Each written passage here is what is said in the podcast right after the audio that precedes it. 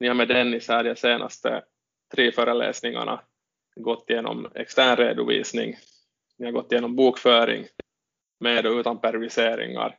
Sen har ni gått igenom eh, bokslutsanalys senaste gång. Och nu förflyttar vi oss så småningom in hit mot internredovisningen. Och först på, det, först på schema har vi då kostnadsberäkningsdelen. Vi går lite genom grunderna i kostnadsberäkning och nästa vecka sen tar vi en närmare titt på budgetering och, och lite om, om prestationsmätning. Och som ni har sett på schema så har vi ingen övning inkommande fredag. och övningen är då nästa veckas fredag och den här övningen så kommer främst att behandla då de kostnadsberäkningsövningarna och kanske eventuellt lite om, om budgetering också. Likaså Eh, sista inlämningsuppgiften i Moodle så där är deadline då också eh, i det, enligt det schema då blir väl om, om två veckor där. Men att i schema står det deadlinen och uppgifterna har inte ännu publicerats men de publiceras här under den här veckan. Eh, men till dagens tema kostnadsberäkning så förrän vi då börjar reda ut olika kostnadsberäkningstekniker så går vi först igenom lite terminologi, lite grunder i, i kostnadsberäkning, varför vi har kostnadsberäkning och vad kostnadsberäkning egentligen innebär. Så först och främst före vi går in på kostnadsberäkningen då, så eh, på vad beräknar vi kostnader om vi behöver kostnadsberäkning?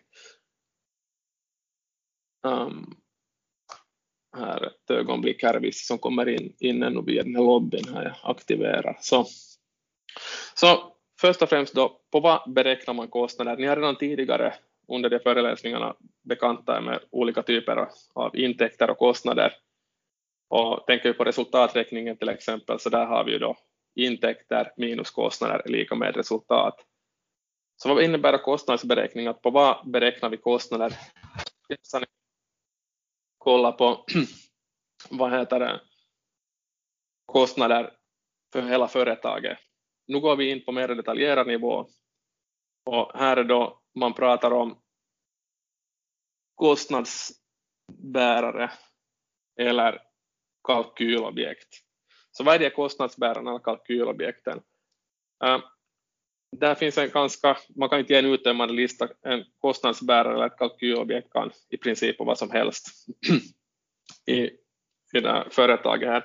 Typiskt när vi går igenom sådana olika övningar som vi gör här och längre fram här idag kommer jag gå igenom några exempel så vanligtvis så har man en, någon, form, någon form av vara eller produkt som företaget tillverkar och, och då säljer vidare. Så då beräknar vi kostnaderna för den här produkten då.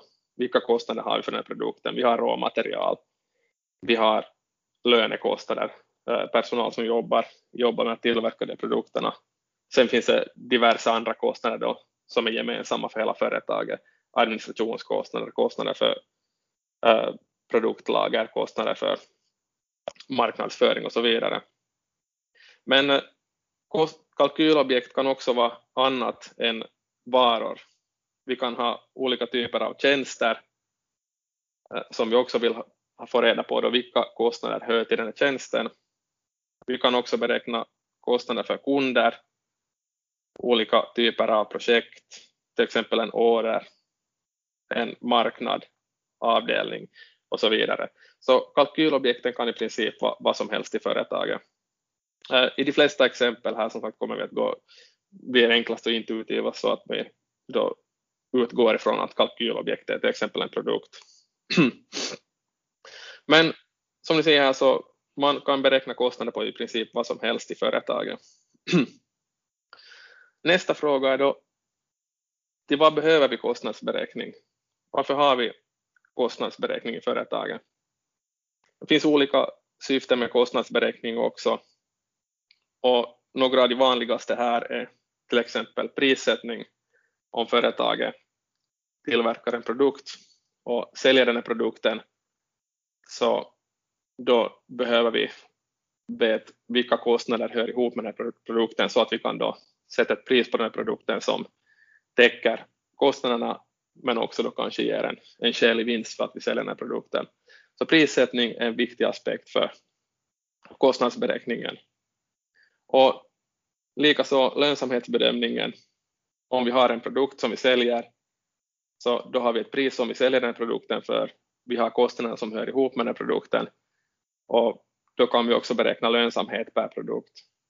Så någonting som man säkert är intresserad av också eh, är lönsamhet för olika typer av produkter och hur den här lönsamheten ändras under produktens livscykel och så vidare så att man då vet i vilket skede löns kanske att gå över till en annan produkt och lägga ner, lägga ner tillverkningen av en viss produkt. Så prissättning, lönsamhetsberäkning och överlag eh, prissättning, lönsamhetsberäkning, sen överlag kostnadskontroll, att veta vad vi har för olika kostnader i företaget så att man då eventuellt kan minska de kostnaderna och försöka hålla ner kostnaderna. Och med lönsamhetsberäkning hör också produktval kanske lite ihop. Om vi har många olika produkter i företaget, eh, vi har begränsade resurser och sen vilka produkter ska vi tillverka, vilka ska vi lägga ner, ska vi gå in för nya produkter och så vidare. Så i produktval så är det också viktigt att veta vilka kostnader vi har, har som hör ihop med de olika produkterna. Sen kan vi ha också andra scenarion här. Om vi har ett tillverkande företag som producerar produkt, tillverkar produkterna själv och så överväger vi att borde vi utlokalisera produktionen så dit behöver man också kostnadsberäkning. Vilka kostnader har vi ifall vi tillverkar produkten själv jämfört med de kostnader vi har ifall vi då köper in den här produkten. Har utlokaliserat tillverkningen. Sen kan vi nu ha val av tillverkningssätt, olika typer av, typer av tillverkningssätt, jämföra kostnader med olika typer av tillverkningssätt och delvis ska val av verksamhetsvolym, hur mycket borde vi tillverka av en viss produkt tillhandahålla en viss eh, tjänst eller, eller liknande. Men vad man vanligtvis tänker på vid syfte med kostnadsberäkning är, är just prissättningen och lönsamhetsberäkningen kanske det vanligaste, men att det finns många olika syften med, med kostnadsberäkning också. Uh, sen kan man ju också fråga sig då att kostnadsberäkning, är det någonting som bara hör ihop med intern redovisning eller kostnadsberäkning också, om vi tänker intern och extern redovisning, så extern redovisning är ju någonting som styrs av lagar och regler, vi måste ha extern redovisning, medan intern redovisningen då inte direkt styrs av några lagar och regler, utan är upp till företaget då att, att forma den interna redovisningen så som man anser, anser att det passar bäst. Uh, om vi ännu lite backar tillbaka till den externa redovisningen, finns, har vi någonting i extern redovisningen som kräver kostnadsberäkning? Att vi måste ha någon form av kostnadsberäkning. Och svaret där är väl kanske då att delvis ja, att vi har företag som har lager, och tillverkande företag som har lager, så där behöver vi i viss mån ha kostnadsberäkning när vi då värderar lagret. Och då kan man då tillämpa diverse kostnadsberäkningsmetoder som vi kommer lite att gå igenom idag, men att i lager värderingen så krävs också, om vi tänker på externredovisningen, så i lagervärderingen så krävs också delvis kostnadsberäkning. Men till största delen så alltså är kostnadsberäkningen någonting som företaget, eh, företagsinternt som företaget då lägger upp på eh, ett sådant sätt som man anser att passar bäst då för det företaget. Så nu har vi då rätt ut eh, vad man beräknar kostnad, vad, vad det är kalkylobjekten är, på vad man beräknar kostnader sen också varför vi har kostnadsberäkning. Och vi kommer att se här under föreläsningens gång att det finns olika typer av kostnadsberäkningstekniker, metoder som passar i olika situationer olika bra. Och i princip så finns ingen, inget bästa möjliga sätt att beräkna kostnader på. Att vi har många olika antaganden som man gör i de metoderna eh, som de metoderna bygger på och vissa är lite enklare, vissa är mer avancerade metoder där då beroende på vad företaget har för behov, hur exakt information man vill ha och så vidare, så kan man tillämpa olika metoder, men det finns ingen bästa tänkbara metod som passar bäst i alla, alla situationer, utan de metoderna är lite situationsberoende. Och som helst, före vi går in på olika kostnadsberäkningsmetoder så tänkte jag att vi kort tar en diskussion också på olika typer av kostnader. Så nu har vi då sett vad man beräknar kostnader på och sen till vad vi behöver kostnadsberäkning. Nästa är då att vi tar en titt på fördelning av olika typer av kostnader. Eh, och lite beroende på situation då, när vi grupperar kostnader, så lite situationsberoende kan man gruppera de kostnaderna i olika grupper. Och kanske den vanligaste fördelningen av kostnader som kan uppstå är att man fördelar dem i rörliga och fasta kostnader. Och rörliga och fasta kostnader så där, där säger ju redan eh, benämningen ganska långt vad det handlar om. Om vi först då tänker på, om vi tar fasta kostnader först då äh, i företaget, så en fast kostnad är i princip någonting som inte varierar beroende på till exempel produktionsvolymen. En fast kostnad finns där vare sig vi tillverka noll produkter eller 100 produkter eller 1000. Så den fasta kostnaden är alltid fast. Så det är grundprincipen med en fast kostnad. Då. Och här har vi kanske det vanligaste då, eh, gruppering, eh, vanligaste definitionen på fast kostnad, vi har en helt fast kostnad som är fast oavsett produktionsvolym. Så här ser kostnaden varierar inte i Y-led men i volymen varierar i X-led här men vi har kostnaden fortfarande som är fast där. Och sen om vi går mera in i, i verkligheten så där har vi då kostnader som oftast är halvfasta på ett eller annat sätt. Här finns exempel också på fasta kostnader. Vi har hyror till exempel som fast kostnad, oftast har man ganska långa hyresavtal och man kan inte påverka de hyresavtalen då på kort sikt. Uh, olika typer av eh, grundavgifter, grundavgifter till telefon och elektricitet och så vidare. Men om vi då tar en halvfast kostnad här till exempel i, i nästa kolumn, så här ser vi då en kostnad som inte ökar linjärt men ökar stegvis då var, vart efter volymen stiger. Volym, volymen ökar här och en typisk kostnad, äh, halvfast kostnad här skulle kunna till exempel vara, äh, säg till exempel, eh, vi har en fabrikshall där vi tillverkar produkter och upp till en viss volym klarar vi oss med den här fabrikshallen som vi har. Sen när produktionsvolymen ökar, då måste vi hyra mera utrymme, kostnaden ökar. och likaså igen när volymen ökar över en viss tröskel så är vi tvungna då att öka på den här, äh, öka på ytan av, av fabrikshallen till exempel då, och då ökar hyreskostnader. Och det fungerar ju neråt sen också halvfast att sen så småningom kan vi då, om produktionsvolymen sjunker så kan vi säga upp hyresavtal. Men att det är över en, för oftast för en viss tidsperiod är, är de kostnaderna fasta. Man kan till exempel också, också vad heter det, ta lön som e- e- är, lönen rörlig eller fast kostnad. Under en kort tidsperiod så är, tidsperiod så är ju lönerna kan, kan kanske anses vara en fast kostnad i och med att man kan inte säga upp och anställa folk hur som helst. Sen är nu det sista här, driftbetingad fast kostnad. Och skillnaden mellan en helt fast och en driftbetingad fast kostnad är att ifall vi har noll produktionsvolym så har vi inga kostnader, men direkt vi sätter igång produktionen så oavsett volym så har vi en viss kostnad där.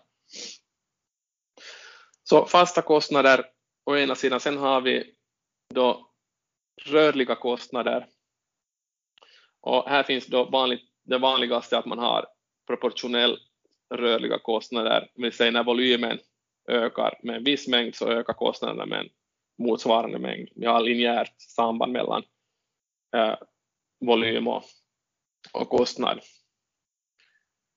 Sen eh, i verkligheten så kan kostnader ofta vara, rörliga kostnader vara degressiva och en degressiv rörlig kostnad innebär att ju större volym vi har, desto mindre blir ökningen av fasta kostnader vartefter. Så i början, när volymen ökar, så ökar också kostnaderna fort. Men sen kan vi säga att vi har vissa skalfördelar, någonting som gör att vi får både lägre och lägre kostnader här vartefter volymen ökar. Och här kan man tänka sig till exempel en typisk rörlig kostnad är materialkostnader. Så materialkostnader, ju fler produkter vi tillverkar, desto mer material behöver vi och desto större blir materialkostnaderna. Så i en degressivt ökande rörlig kostnad så kan vi tänka oss att vi, har, vi får mängdrabatt. Ju mer material vi köper, desto billigare blir styckekostnaden för material och då får vi se en sån här degressiv rörlig kostnad, kostnadskurva här. Motsatsen är då att vi har en progressiv, eh, rör, progressivt rörlig kostnad som i början är ganska låg när volymen ökar men sen ökar vartefter. Och det är kanske eh, en mindre vanlig eh, kostnadskurva för rörliga kostnader. Men så första indelningen, fasta och rörliga kostnader, så, som är en, en vanlig indelning av kostnader. Och, och de kostnader, indelningen av kostnader så de beror sen, de är situationsberoende som vi kommer att se här senare också. Nästa indelning har vi i antingen direkta eller indirekta kostnader. Och här då direkta kostnader så här har vi olika typer av kostnadsslag. Vi kan ha material som oftast är en direkt kostnad. Vi köper in råmaterial till en produkt och kostnadsbäraren här då som vi har är den här produkten.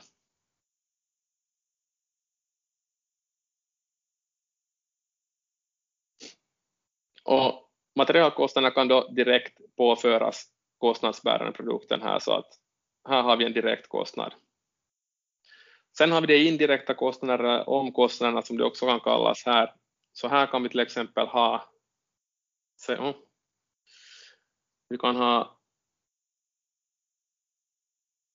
produktutveckling. Vi har ett företag som tillverkar många olika produkter och vi har en produktutvecklingsavdelning som tar fram de produkterna. Då. Så då har vi indirekta kostnader som naturligtvis ska hänföras på den här produkten, för vi har också använt resurser från produktutvecklingsavdelningen för att ta fram produkten. Men exakt hur mycket vi måste ta fram, eh, hur mycket av det produktutvecklingskostnaderna allokeras på produkt A, då, som vi kan, produkt A som vi kan kalla den här produkten, så det påförs då som indirekta kostnader till kostnadsbäraren. Så det, det är inte direkta kostnader som kan allokeras till produkt A. Eh, många produkter utnyttjar produktutvecklingen men sen ska en del av omkostnaderna, indirekta kostnaderna påföras produkt A. Och där då fördelar vi de omkostnaderna. Och en stor del av hela den här grejen med kostnadsberäkning som vi kommer att se här handlar just om att fördela omkostnader produktutvecklingen, hur vet vi hur stor andel, vi har tio produkter, och hur vet vi då hur stor andel av de omkostnaderna produkt A här ska tilldelas?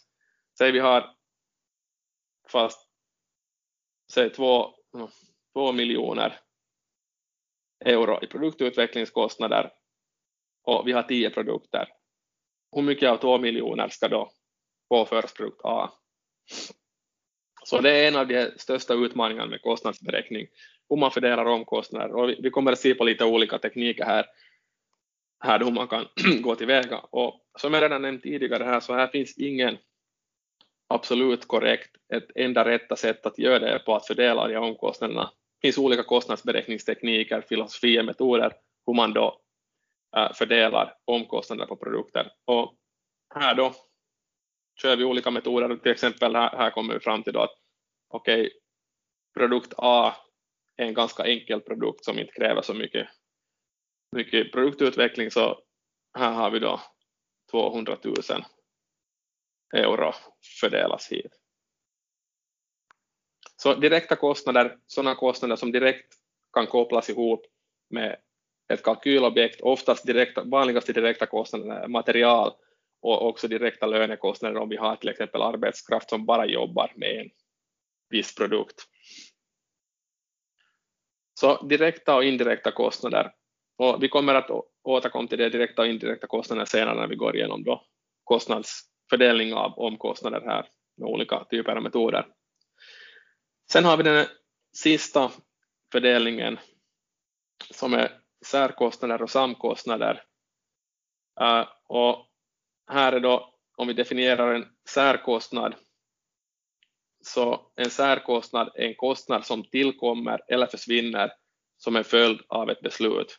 Så till exempel här då har vi kostnader vid nuvarande produktion och vi har produkten A, B och C och sen har vi beslut 1 då vi ställs inför en beslutssituation här.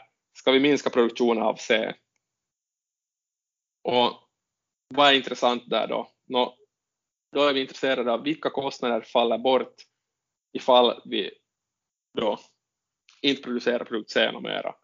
Och då konstaterar vi att här har vi de kostnaderna här faller bort ifall vi lägger ner produktionen av C. Uh, här beaktar vi inte inkomstsidan, vi har ju förstås särintäkter kan vi också ha, vilka intäkter försvinner när vi lägger ner produktionen av C.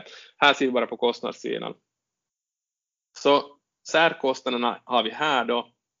Här är särkostnaderna som försvinner ifall vi lägger ner produktionen av vad heter det, produkt C.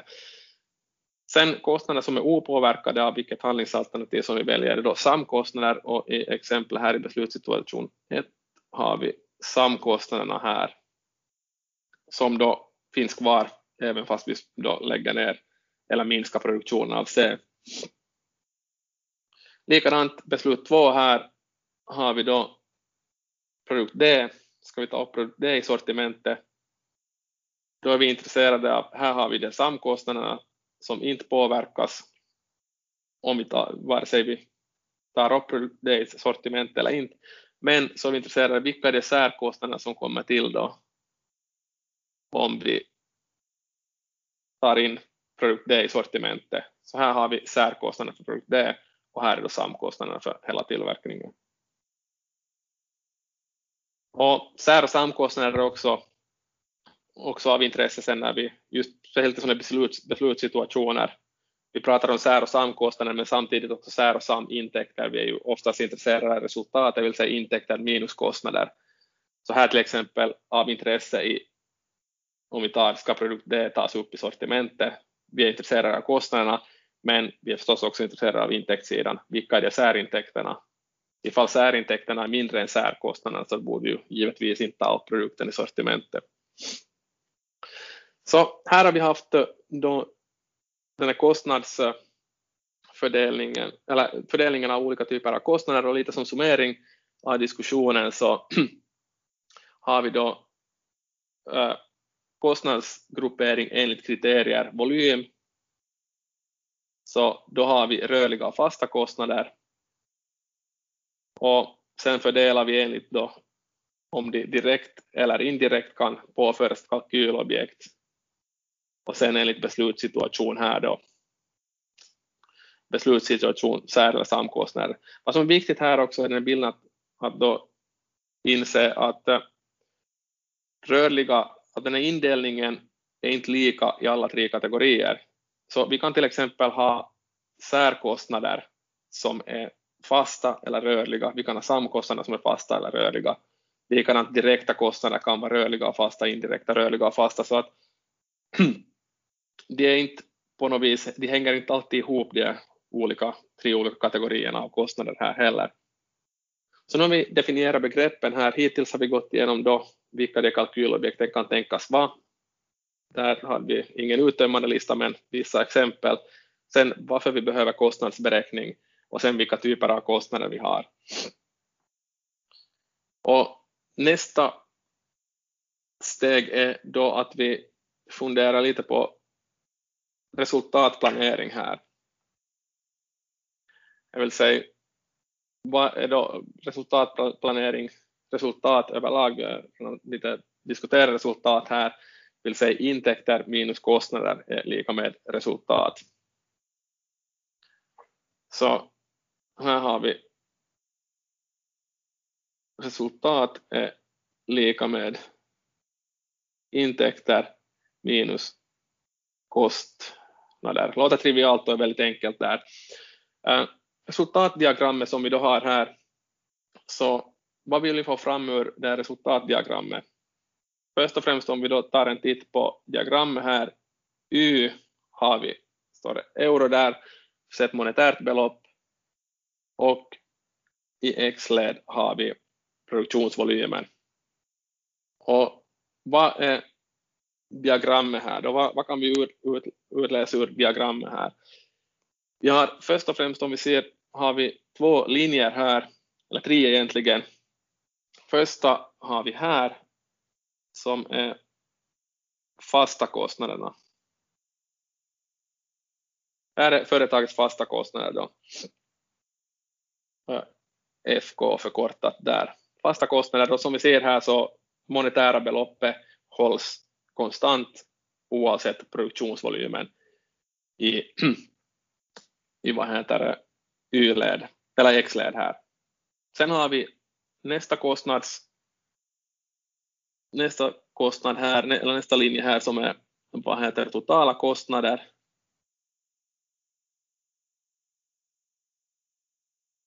Här, vill säga, här är den rörliga delen av kostnader och rörliga delen börjar redan här vara fasta kostnader skär y-axeln så det blir då totala kostnader är lika med rörliga kostnader plus fasta kostnader. Så där har vi totala kostnader. Sen har vi ännu en tredje linje här, vi kan byta färg. Här, den som börjar få noll här är totala intäkter. Det blir försäljningsintäkter i, i företaget. Och nu har vi det tre, här har vi alltså fasta kostnader, rörliga kostnader och sen i grönt där totala intäkter. Och här har vi något som kallas för nollpunkt då. Och vad innebär den här nollpunkten? Eh, jo, nollpunkten innebär då, vad heter det, nollpunktsvolymen, om vi ser på x här, om vi säger vid vilken volym så gör vi ett nollresultat, det vill säga totala intäkter är lika med totala kostnader. Och här ser vi också resultatet här. Så om vi är här, skillnaden mellan totala intäkter och totala kostnader, så vid den här punkten här, vid den här volymen, så gör vi nollresultat. Likadant kan vi se på y-axeln här, nollpunktsomsättning. Vilken försäljning, hur många euro måste vi sälja för, för att vi ska då uppnå nollresultat. Äh, oftast är det då, om man tänker på äh, företag, så oftast vill man ju ha positivt resultat, man är inte nöjd med nollresultat, man vill ha någon sorts av avkastning utöver äh, en verksamhet som bara täcker kostnaderna så är ju inte särskilt lönsam, som ni har sett redan tidigare i bokslutsanalysen också, man vill ha en ROA som är kanske 10-15 procent, en ROE som är närmare 10 procent också. Så då vill man ju oftast ha en volym, försäljningsvolym som är större än nollpunktsvolymen och omsättning då också som är större än nollpunktsomsättningen. Och här pratar vi då om mm.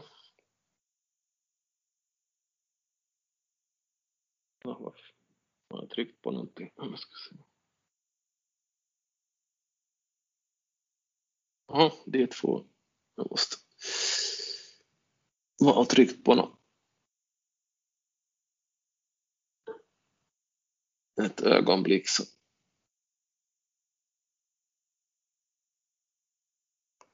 Här är vi tillbaks, okej. Okay.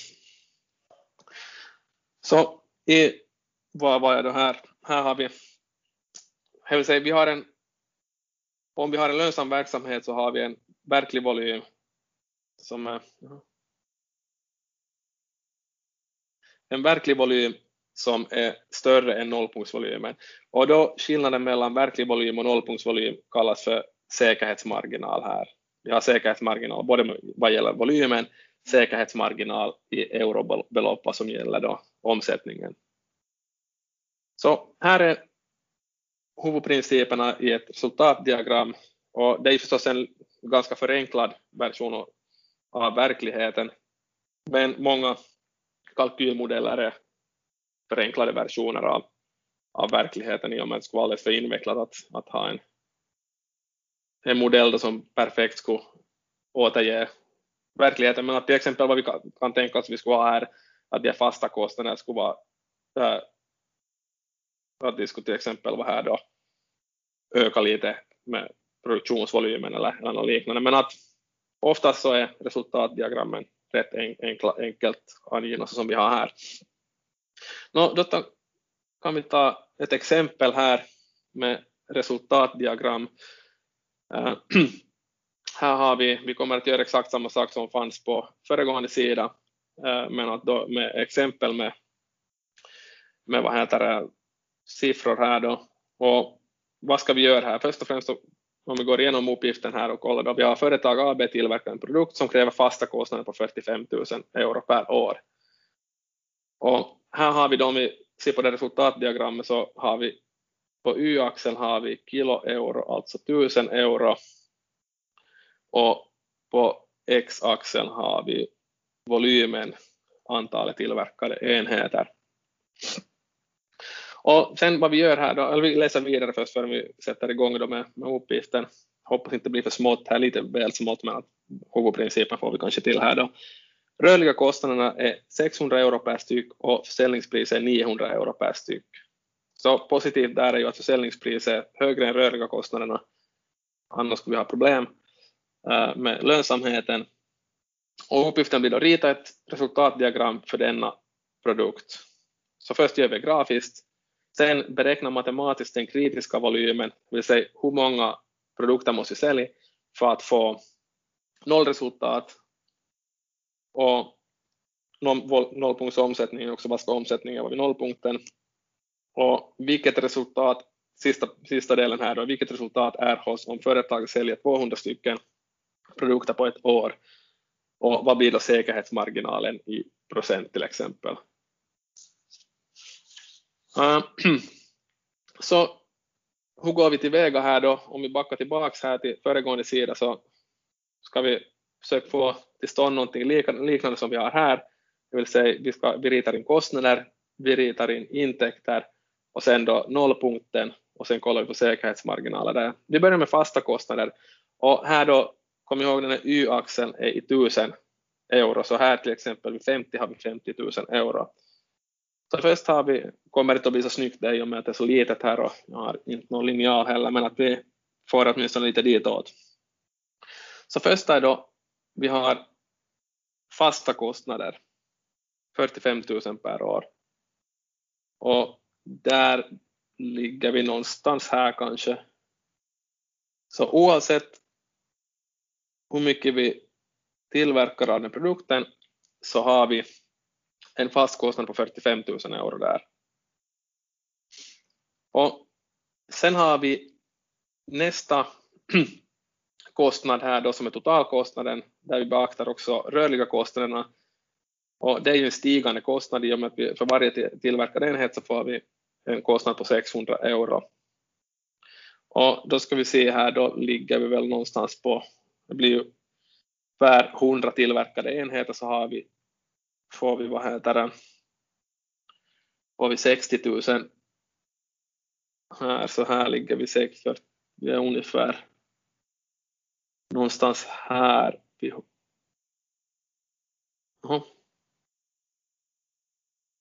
Så ungefär där och sen 60 000 till så är vi väl ungefär här någonstans. Och sen försöker jag rida ett streck som börjar här vid 45 000. Och vid 100, 100 tillverkade enheter så då har vi 45 000 fasta kostnader och 60 000 rörliga kostnader, så vi är där vid 105 000. Sen vid 200 tillverkade enheter så ligger vi på 45 000 plus då 120 000 rörliga kostnader. Så där, där det kostnaderna. Så det är kostnadssidan här då. Och jag skissar upp det bara grafiskt, sen när vi kör det matematiskt här så får vi exakta belopp här.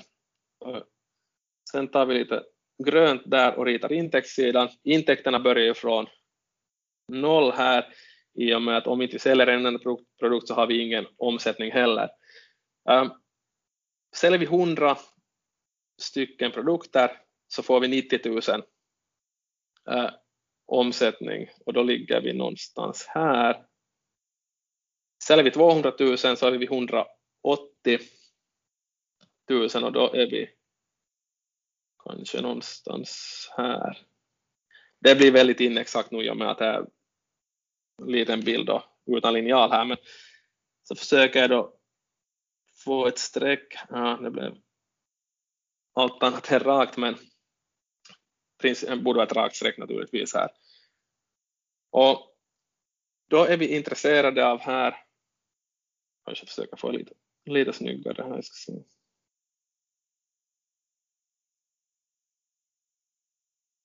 Så.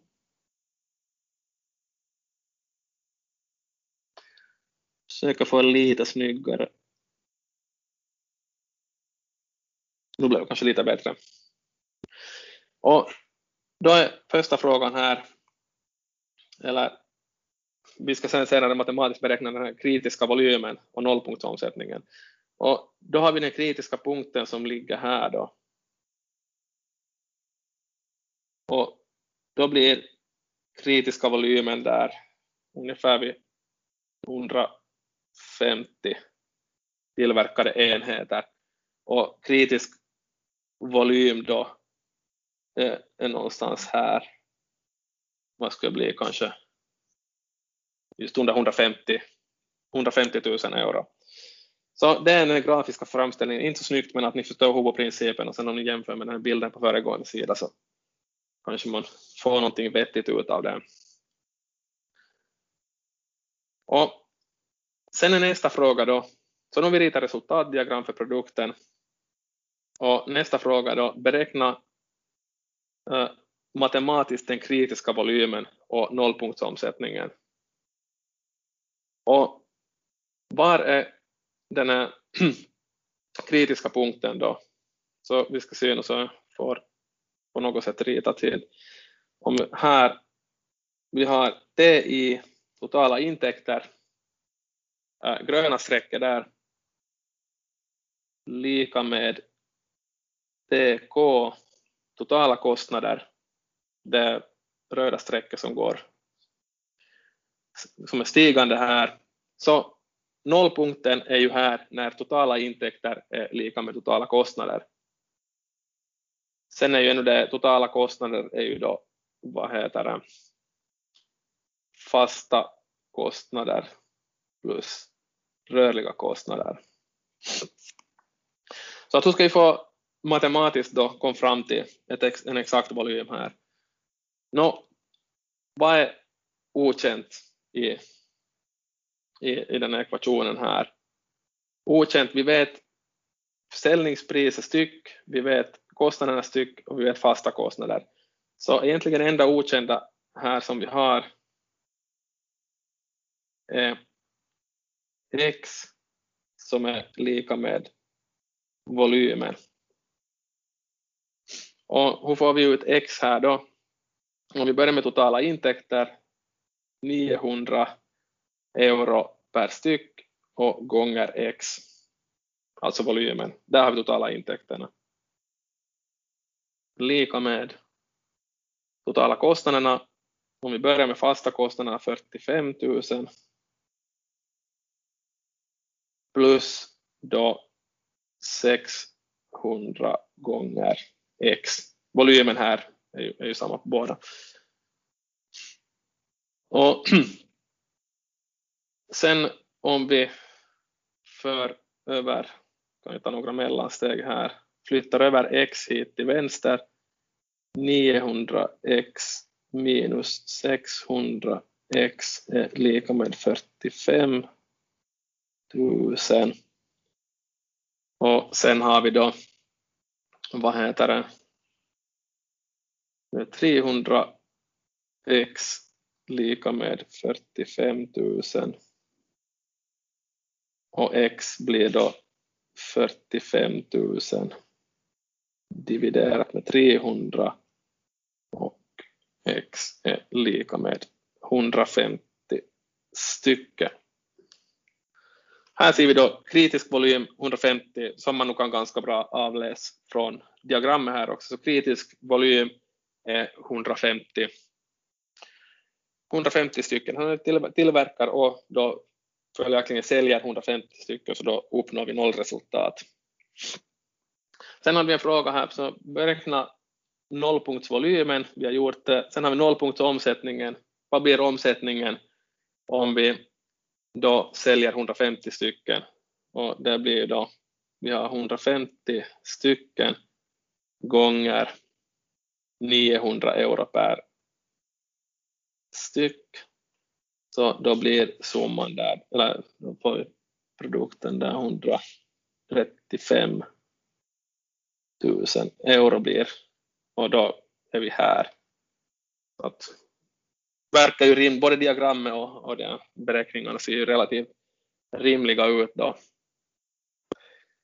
Uh, sen hade vi en ytterligare en fråga. Nu, nu har vi räknat nollpunktsvolymen, nollpunktsomsättningen. Sen har vi då en situation var vi säljer 200 stycken uh, säljer 200 stycken produkter per år, det vill säga över kritiska volymer som 150. Så om vi säljer 200 produkter, vad händer då? Och samma ekvation som vi har här, då frågan är vad blir resultatet, intäkter minus kostnader. Så då har vi, jag flyttar över hit kanske då, och då har vi 200 stycken gånger 900 euro per styck intäktssidan minus 45 000 minus 200 stycken gånger 600 euro per styck som rörlig kostnad och då blir resultatet intäkter minus kostnader blir 15 000 euro på plus per, för den tidsperioden som är ett år här då. Så då har vi här då ett resultat på, på 15 fem, positivt resultat på 15 000. Sen har vi sista där då en, en fråga om, om säkerhetsmarginalen i procent. Vad blir säkerhetsmarginalen i procent? Så säkerhetsmarginalen här eh, är där säkerhetsmarginalen som är lika med 50 stycken och säkerhetsmarginal skriver S marg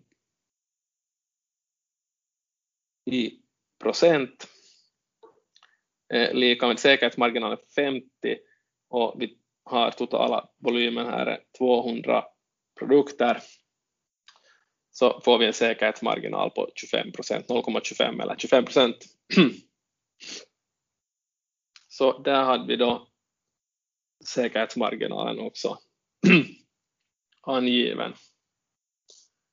Så där var resultatplaneringen takeaway från resultatplaneringen är just då resultatdiagrammet och bekanta er med hur de, hur det resultatdiagrammet fungerar här och, och just typiskt att man ska räkna nollpunkt här och, och så vidare.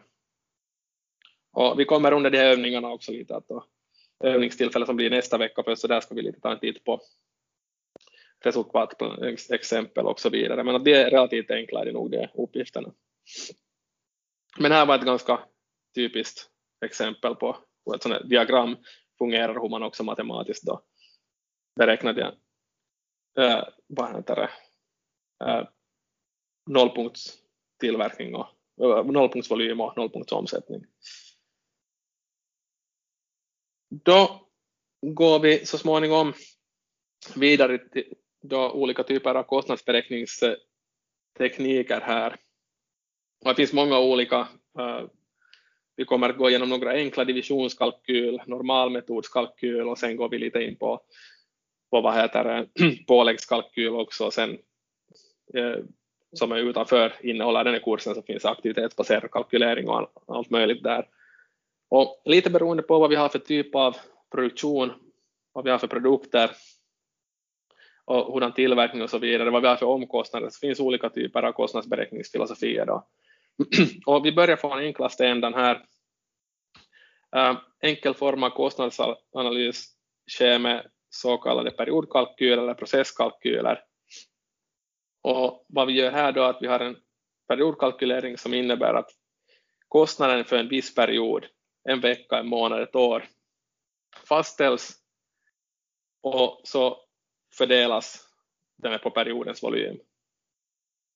Så säg att vi till exempel då tillverkar under en månad en miljon produkter och eller vi, har, vi tillverkar tusen produkter och vi har kostnader på en miljon. Så vad är då kostnad per styck? Jo, det blir tusen euro per styck. Så det här ser vi också totalkostnad under. Här är hur divisionskalkyl fungerar, totalkostnad under perioden dividerat med verklig volym. Och en sån här, som man förstår att det är väldigt enkelt här, och en sån här typ av kalkyl lämpar sig när produktionen är likartad från period till period. Vi har inga stora variationer i volymen och sen också att produkter vi har är väldigt lika i resurs, hur mycket de kräver resurser. Och här till exempel som mass, massproduktion då av, av väldigt likartade produkter, så där kan en sån här divisionskalkyl tillämpas. Förstås då vid periodkalkylering måste kostnaderna kunna mätas och registreras per produkt för att vi ska då få den här divisionskalkylen att fungera också. Men väldigt enkelt, totala kostnader för en viss produkt under en tid, tidsperiod och sen dividerat med den volymen som vi har tillverkat under den här tidsperioden. och så får vi då kostnad per styck. Vi ska se på ett exempel här hur det fungerar, de olika metoderna. Sen om vi då har en situation var den verkliga tillverkningsvolymen varierar kraftigt från period till period, då kan vi få problem med att den här kostnaden per styck med divisionskalkyl varierar väldigt mycket. Att om vi har liten tillverkningsvolym, då blir kostnaden, styckekostnaden högre. Om vi har då större vad heter det, volym så då blir styckekostnaden mindre i och med att vi har både rörliga och fasta kostnader. Skulle vi ha bara rörliga kostnader så då fungerar ju förstås divisionskalkylen oavsett produktionsvolym. Men i verkligheten har vi ju oftast också fasta kostnader som måste beaktas. Och då om vi har liten produktionsvolym så allokeras mer av de fasta kostnaderna på, på per produkt då än om vi har en stor produktionsvolym. Så därför har man då en sån nästa steg är då att man har något som kallas för normalkalkyl, normalmetoden. Och till skillnad från eh, divisionsmetoden så tar vi först, vi har, då särskiljer vi på fasta och på rörliga kostnader. Och rörliga kostnaderna divideras med verklig volym medan då fasta kostnaderna divideras med någonting som kallas för normalvolym. Så som jag nämnde nämnt tidigare här, om vi skulle bara ha rörliga kostnader, då skulle divisionsmetoden och normalmetoden ge exakt samma resultat. Men i och med att man oftast har fasta kostnader också, så då beaktar vi separat fasta kostnader och dividerar dem med normalvolym och det resulterar i då att oavsett variationer i produktionsvolymen så blir styckekostnaden mer stabil. Så är förstås frågan, vad är normalvolym här? Vad menas med normalvolym? Och det kanske finns inte något entydigt svar här, men att normalvolym är oftast kanske man ser på volymen under en längre tidsperiod och tar till exempel medeltal, att vad har vi för volym i medeltal? Om vi till exempel följer med månadsvis produktionsvolymen och vi har stora variationer mellan olika månader så kan vi se på hela året vad är medeltalet per månad i produktionsvolymen. Sen får vi en normal produktionsvolym där. Och någonting som också kallas för utnyttjandegrad här, en term som kan vara bra att känna till, är då att man dividerar den verkliga volymen med normalvolym så får man utnyttjandegraden här. Men att här är, så vad normalkalkyl och divisionskalkyl, vad vi är ute efter är då vad är i all enkelhet, vad är då kostnad per styck för till exempel en, till, en produkt som man tillverkar. Så vill vi veta vad är kostnaden, kostnad per, per styck och som sagt det är en grov metod, väldigt förenklad metod här, men fungerar speciellt i sådana situationer var vi har olika produkter som är väldigt lika resurskrävande och, och i, i massproduktion och, och, och sånt där. Och vi tar ett exempel här då till nästa med både normal och normalmetoden och sen eh, divisionsmetoden. Och här har vi då ett företag har följande samband mellan totalkostnad och producerad kvantitet av en produkt. Så här har vi informationen vi behöver då för uppgiften. Och första delmomentet här är beräkna rörlig kostnad per styck. Och sen samtidigt kan vi då också beakta fasta kostnaden. Så vad är rörlig och fast kostnad? Nu, vad vi, måste, vi måste ju direkt göra ett antagande här då att det är sambanden linjära här.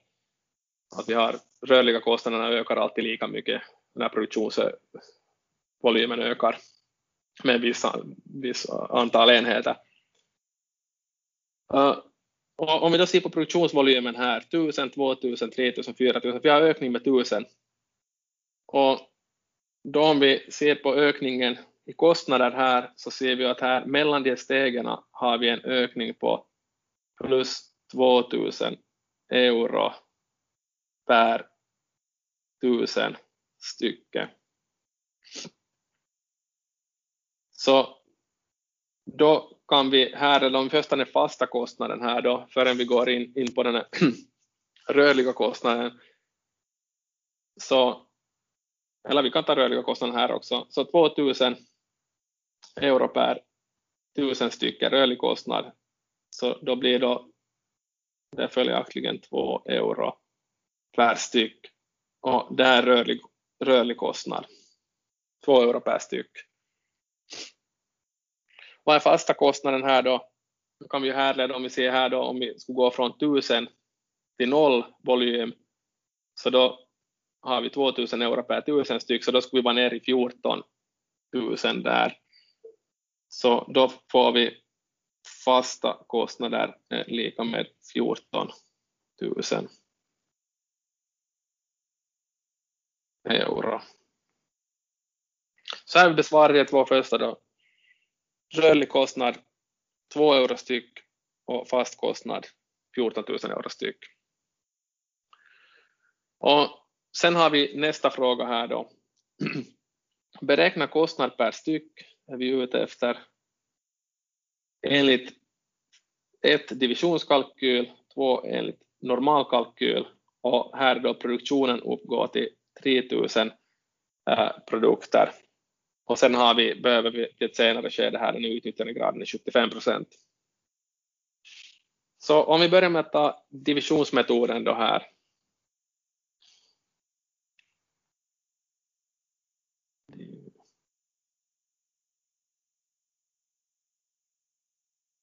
Divisionsmetoden. Och divisionsmetoden var ju då i all enkelhet kostnad dividerat med volym. Och 3000 är vi intresserade av här. Vi, är, vi har 3000 tillverkningen 3000 stycken som vi har här och kostnaden där är 20 000. Så kostnaden, om vi tillverkar 3000 så har vi en kostnad på 20 000 euro och så dividerar vi med 3000 stycken där så får vi styckepriset blir då ungefär 6,67 euro per styck. Så där är svaret på divisionskalkylen. Sen har vi, om vi tar nästa då, normalmetoden.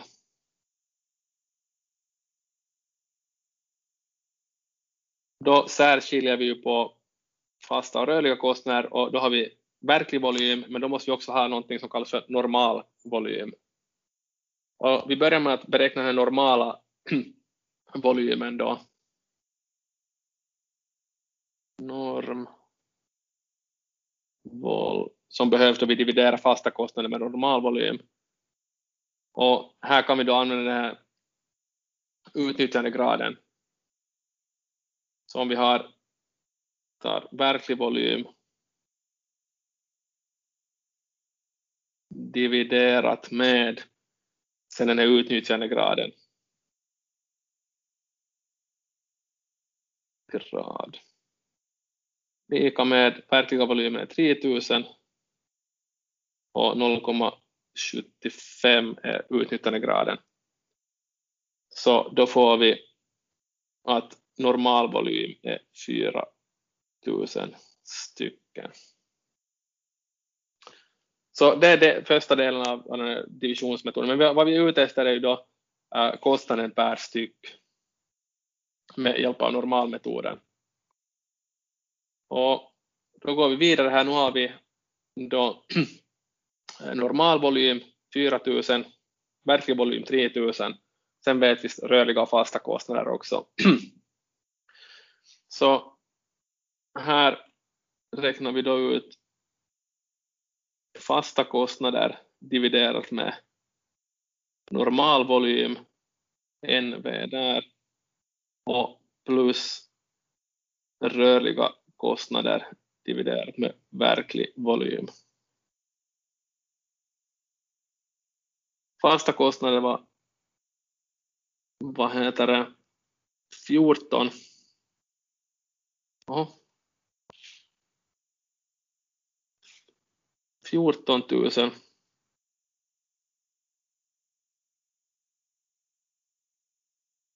dividerat med 4 000 här som är per normal volym. plus då rörliga kostnader vi tillverkar verklig volym 3000 stycken gånger 2 euro per styck som var rörliga kostnader där och dividerat med verklig volym som är 3000. Och då är vi intresserade av styckekostnaden här som blir, om vi räknar ut det här, gör ett mellansteg här, så blir 5 euro 50 cent eller 5,5 euro per styck. Så att eh, här har vi då en skillnad då, och vad innebär det då om, om vi tänker på flera perioder. Så om vi använder normalmetod, divisionsmetoden här så skulle vi vissa perioder skulle vi ha högre styckepris och vissa perioder lägre styckepris. Nu om vi kör normalmetoden här och beaktar fasta kostnader och normal volym, så får vi ett, kommer vi att få ett jämnare pris per styck under flera tidsperioder då när produktionsvolymen varierar. Så relativt enkla metoder hittills. Så här finns sen också utöver de metoderna finns till exempel en lite mer avancerad metod som vi går igenom här som heter ekvivalentkalkyl, var man då kan lite beakta olika resursförbrukningar mellan olika produkter också, men att det lämnar vi till senare då. Sen tar vi ett steg vidare då till vad som kallas för självkostnadskalkylering. Och här finns vid självkostnadskalkylering så finns olika metoder och metoden vi kommer att behandla här så är den vanligaste metoden kallas för påläggskalkylering.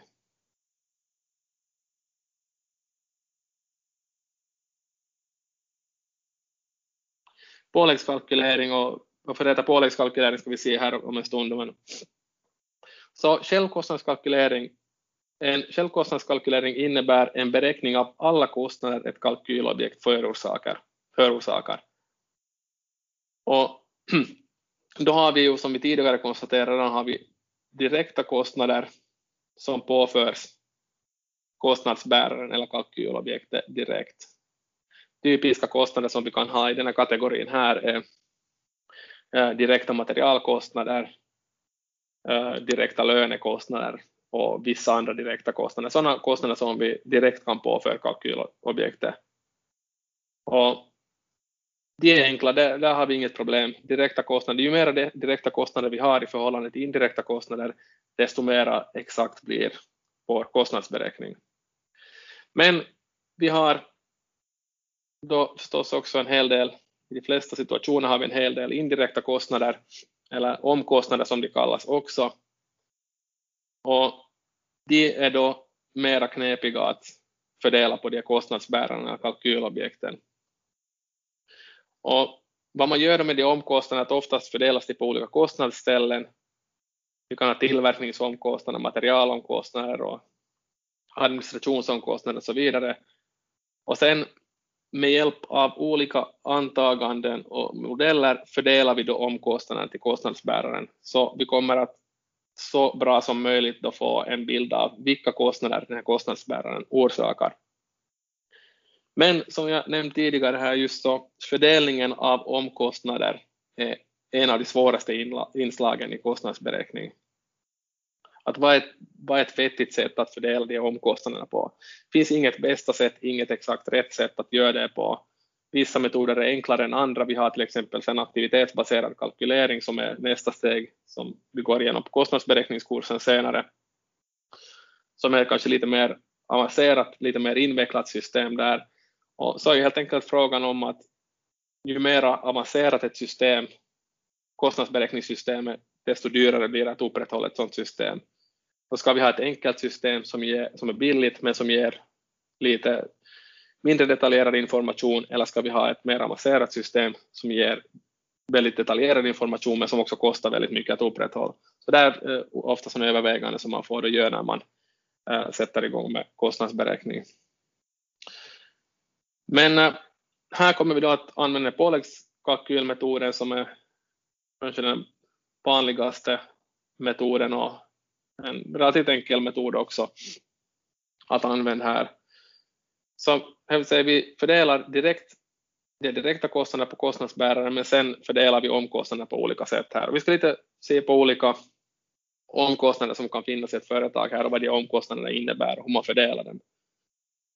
Och här har vi då vad som kallas för kalkyltrappa för ett tillverkande företag. De exemplen är oftast kanske enklast och mest intuitiva att gå igenom för ett tillverkande företag men de kan ju givetvis då också eh, användas för, av serviceföretag och andra typer av företag där. Och olika typer av direkta och indirekta kostnader som vi har här då. Eh, först och främst så har vi längst, om vi ser här på eh, trappan här så har vi längst till höger har vi försäljningspriset, det vill säga hur mycket vi förväntar att kunden ska betala för den här produkten om vi då utgår ifrån att det är en produkt som vi tillverkar, tillverkande företag. Sen har vi produktens självkostnad, det vill säga alla kostnader som kan allokeras till produkten. Sen har vi tillverkningskostnaderna, det vill säga vad det kostar att tillverka den här produkten. Och sen självkostnaden, där, där kommer då kostnader till som krävs för att den här produkten ska också göras tillgänglig för kunderna och så vidare. Okej, om vi ser på tillverkningskostnader först här då. Så här har vi det mörkare området har vi direkta materialkostnader, direktkostnader som påförs direkt kalkylobjektet, likaså direkta lönekostnader, det vill säga personal som jobbar med att tillverka den här produkten. Sen då speciella direkta kostnader, diverse direkta kostnader som har direkt orsakssamband med produkten. Så det är ganska enkla då att para ihop med den här produkten här. Sen, har vi, sen kommer vi till omkostnadsbiten då. Vi har materialomkostnader och än en gång här, det är ingen uttömmande lista på omkostnader och direkta kostnader, men det är ett ganska bra exempel på vad som kan finnas, men sen kan det finnas en hel del annat också, men vanligtvis hittar vi åtminstone de direkta kostnaderna och de omkostnaderna. Så materialomkostnader här, vad är materialomkostnader för någonting? Materialomkostnader kan till exempel vara kostnader för lager, lagerhantering, lagerbearbetning och så vidare. Sådana kostnader som krävs för att då få materialet, inköpskostnader för inköp och sånt, sådana kostnader som hör ihop med att få material från leverantören till produktionen, men som inte direkt kan allokeras till en viss, eh, viss eh, produkt, ett visst kalkylobjekt. Så till exempel materialomkostnader, vi har ett lager då, var vi har råmaterial för olika produkter, hur mycket av kostnaderna för det lagret ska då allokeras till, till just eh, den här produkten här. Så om vi tar materialomkostnader, hur mycket av materialomkostnaderna ska vi allokera? till produkt, om vi säger att det kallas för produkt A här då. Hur mycket av materialomkostnaderna allokeras till produkt A och hur, många, hur mycket allokeras till övriga produkter. Så då måste vi ta fram någonting som kan kallas för en fördelningsnyckel eller en fördelningsbas. Och här gör man då olika antaganden och det finns olika filosofier hur man gör. Men vad man helt enkelt då måste fundera över här att okej, okay, vi har materialomkostnader. Vad är exakt med den här produkten som då belastar material, förbrukar materialomkostnader? Och oftast är då fördelningsbasen direkt material. Ju mer material en viss produkt använder, till exempel mängdmaterial, material, hur många kilo av material, hur många euro av, av material eller något liknande. Säg till exempel i det här fallet då kilogram material. Så ju mer en produkt använder, av, använder material, desto mer av materialomkostnaden fördelas till den produkten i fråga här. Så säg till exempel att hälften av materialet som förbrukas i all produktion förbrukas just av produkt A. Då fördelar vi hälften av materialomkostnaderna då också till produkt A. Men den här fördelningsbasen, fördelningsnyckeln, det är ingenting givet utan det är någonting som företaget själv måste fram, fundera ut vad är en, för, för, vad är en för, vettig fördelningsbas just i den här verksamheten här. Sen har vi tillverkningsomkostnader, olika saker som kan ha att göra med tillverkningen, energikostnader för en fabrikshall, eh, service av maskiner, diverse saker då, som krävs för att hålla tillverkningen igång. Och vilka, hur fördelar vi då tillverkningsomkostnaderna på produkt A här? Än en gång, där finns olika sätt att göra det på. Vanligtvis är kanske då att man använder direkt lön här som fördelningsbas. Ju mer direkt lön allokeras till produkt A, desto större del av tillverkningsomkostnaderna fördelas till produkt A. Sen när vi då har plussat ihop uh, direkta material, direkta lönekostnader, speciella direkta kostnader och tillverkningsomkostnader och materialomkostnader, då får vi någonting som kallas för tillverkningskostnad.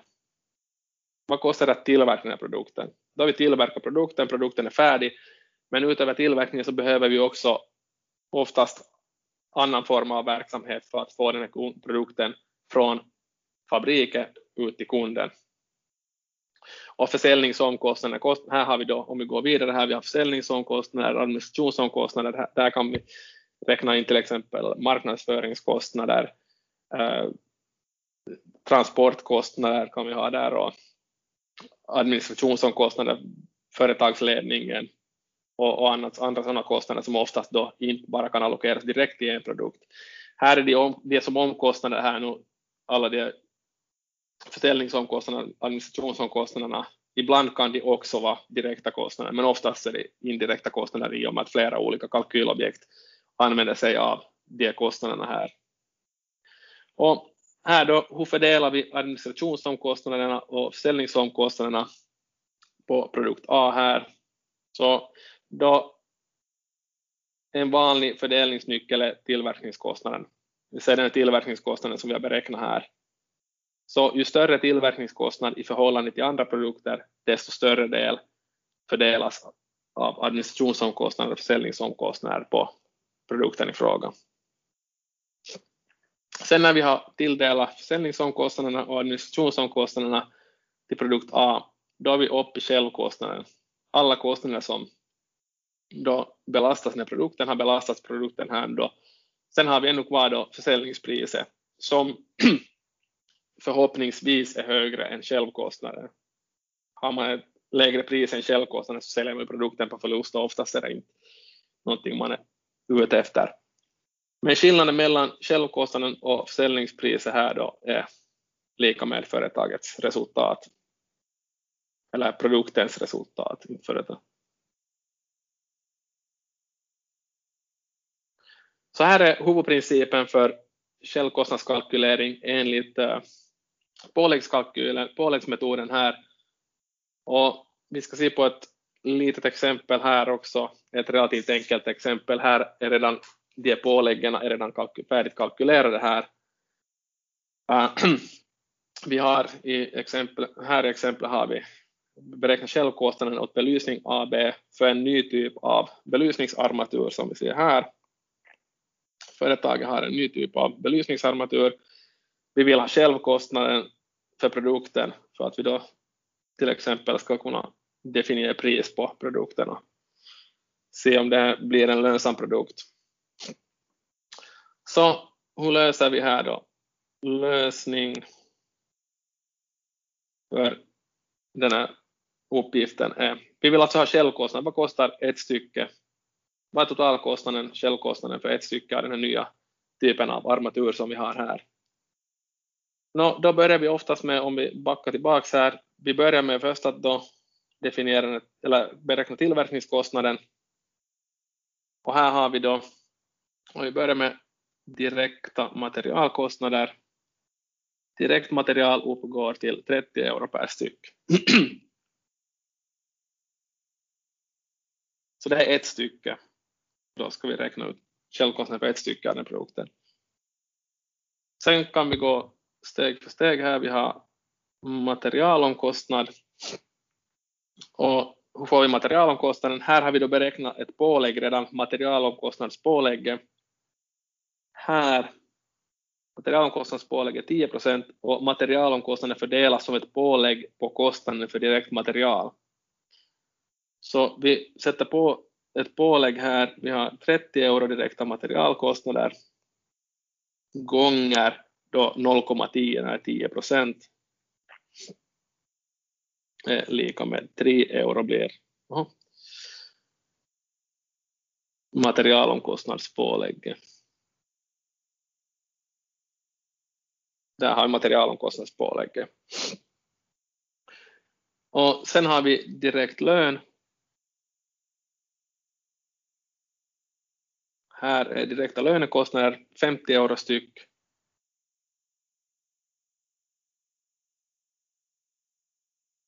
Och sen har vi tillverkningsomkostnaderna där. Vi har redan beräknat tillverkningsomkostnadspålägget med 60 procent och 60 procent av vad då? Läser vi här. Tillverkningsomkostnader fördelas som ett pålägg på kostnaden för direkt lön.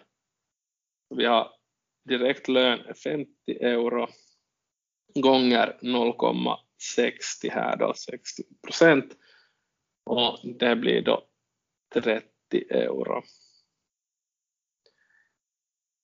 Sen är vi fram här vid första mellansteget, tillverkningskostnad Eh, är lika med streck där, 30 plus 3 plus 50 plus 30 om jag har räknat rätt så är vi då fram i 113 euro i tillverkningskostnader. Sen, eh, så nu är vi fram då, om vi backar tillbaka igen, nu har vi räknat tillverkningskostnaderna för den här belysningsarmaturen. Och så går vi vidare här. Sen har vi ännu administrationsomkostnader och försäljningsomkostnader och båda fördelas som ett pålägg på tillverkningskostnaden. Så administrationsomkostnaderna 10 procent av vad då? Av tillverkningsomkostnaden, äh, tillverkningskostnaden som är 113 euro gånger 0,10 eh, lika med 11,3 euro. Administrationsomkostnader kommer på ett pålägg här då. Försäljningsomkostnader. Där har vi också samma, vi har samma fördelningsbas här, tillverkningskostnad 113 e- euro gånger och då 20 procent. 0,20 och då är vi, får vi ett pålägg, monetärt pålägg här 22,6 euro. Och så är vi nästan vid slutet här. Vi ska ha självkostnaden för produkten då.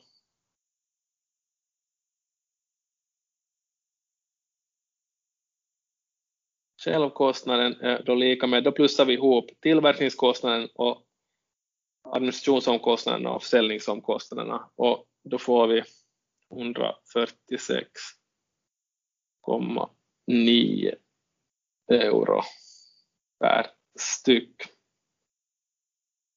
Här är då resultatet vi var ute efter. Vad blir självkostnaden för lamparmaturen? 146,9 euro per styck blir självkostnaden.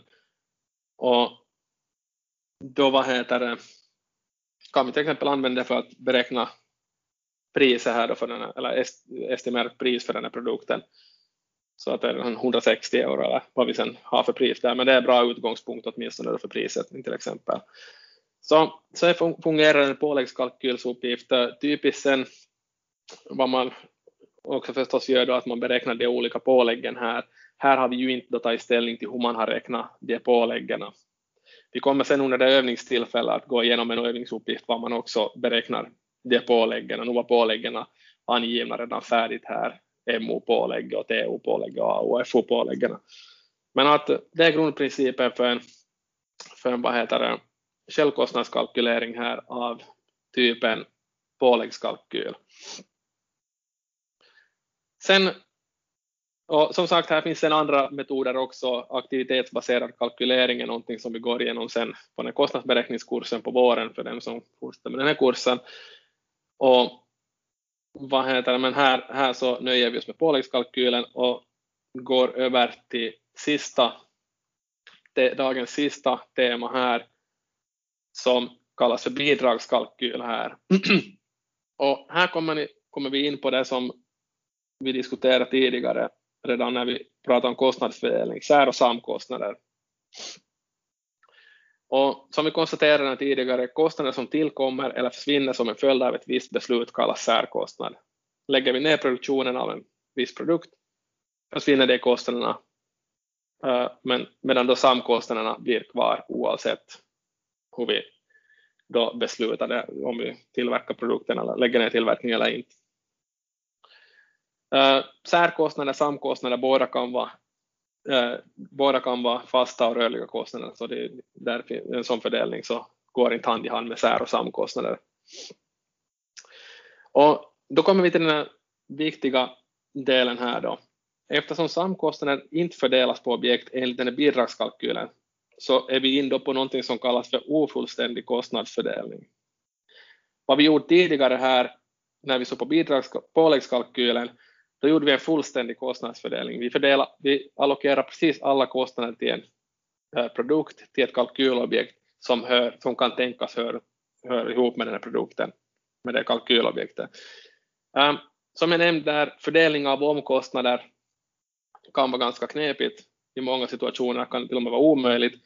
Och då kan det vara mer motiverat att ha en ofullständig kostnadsberäkning, det vill säga var man inte då fördelar samtliga kostnader. Och en sån bidragskalkyl så där har man en ofullständig kostnadsfördelning. Man ser på samkost, särkostnader och samkostnader separat där, man fördelar inte samkostnaderna. Uh, visst, eh, viss terminologi som är viktig i en sådan bidragskalkylering här så är först och främst täckningsbidrag. Det är kanske redan eh, bekant från någon annan, annan kontext här, diskussion om täckning, vad täckningsbidrag är. Uh, täckningsbidrag i bidragskalkyl är i princip särintäkt minus särkostnad. Så ett positivt täckningsbidrag innebär att vi har en större särintäkt än vad vi har särkostnader. Och det är ju oftast bra att särintäkterna är större än särkostnader. Sen när särkostnaderna är större än särintäkterna så då, då måste man oftast eh, fundera på några andra alternativ där då. Eh, totalt täckningsbidrag, så vi kan räkna täckningsbidrag för en produkt till exempel, för en produktgrupp. Eh, totalt täckningsbidrag om vi ser till exempel för hela företaget så totala intäkter minus totala sär, särkostnader. Resultat, eh, sen om vi tänker på resultatet, vad som blir kvar, så är totalt täckningsbidrag minus samkostnader. Har vi ett positivt resultat så kommer vi att ha ett täckningsbidrag som är större än samkostnaderna och det är ju också en önskvärd situation i och med att vi oftast vill ha ett positivt resultat.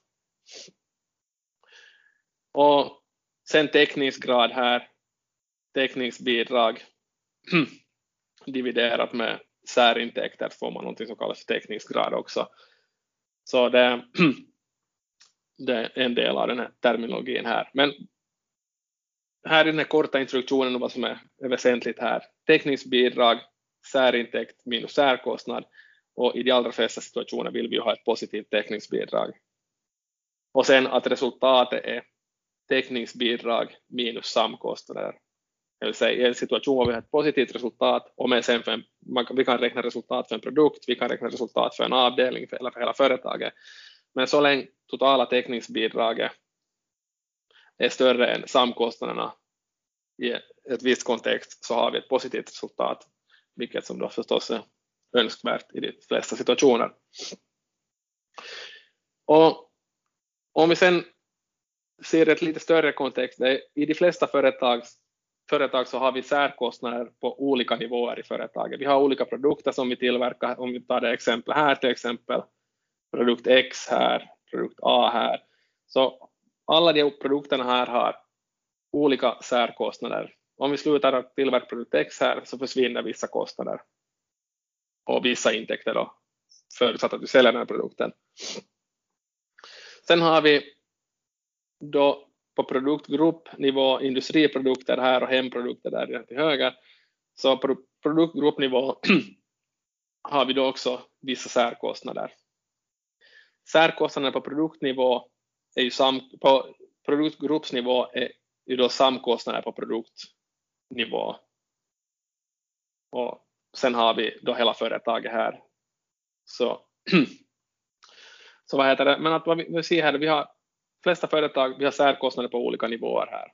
Och det betyder ju då också att vi har vissa täckningsbidrag på olika nivåer. Vi har täckningsbidrag per produkt, det vill säga särintäkt minus särkostnad på, per produkt. Sen har vi på produktgruppsnivå har vi särkostnader minus särintäkter och täckningsbidrag sen för hela, hela företaget här också.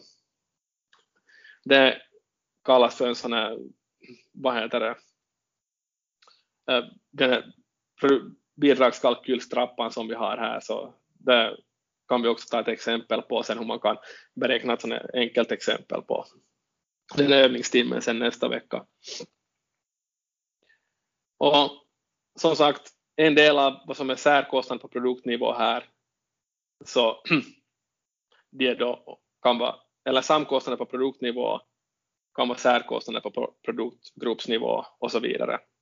Nu blir det ganska abstrakt här i och med att vi inte har något sifferexempel, men vi tar ett sifferexempel på den här övningstimmen då så, så ser vi vad heter det, hur en sån här eh, bidragskalkyltrappa fungerar där. Och förstås ju högre upp i hierarkin vi kommer så desto mindre samkostnader har vi kvar då. Så att samkostnader som vi har på produktgruppsnivå här blir särkostnader på företagsnivå eller produktprogram som det kallas här. Sen har vi bara kvar lite samkostnader för hela företaget.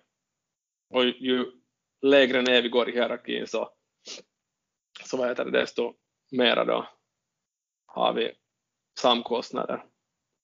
Men som sagt, det blir kanske mera tydligt då, mera intuitivt när man gör med ett sifferexempel. Vi ska ta ett sifferexempel också senare under eh, eller under övningstimmarna nästa vecka där då. Så att det var en kort introduktion till kostnadsberäkning här. Jag hade inte något mer jag tänkt gå igenom idag. Eh, nästa vecka, nu har vi på fredag har vi ingen övningstimme som nästa schema och nästa vecka då kör vi vidare med intern redovisning, lite om budgetering, lite om balance scorecard och sen på fredagen där och nästa vecka så har vi övningstimme var vi går igenom genom då, vad heter det, olika, olika typer av främst kostnadsberäkningsexempel. Eventuellt om vi har tid så tar vi en titt på ett enkelt budgeteringsexempel också. Och sen den sista inlämningsuppgiften i Moodle dyker upp också här inom kort. Men eh, i det skedet hade jag inte något. Precis som förr så kommer den videon upp i, i Moodle här under dagens lopp om man vill se på nytt eller om någon som inte har sett den här videon tidigare och, och vi följer i stort sett samma upplägg som vi haft tidigare här. Men vi sätter punkt här då för, för den här gången.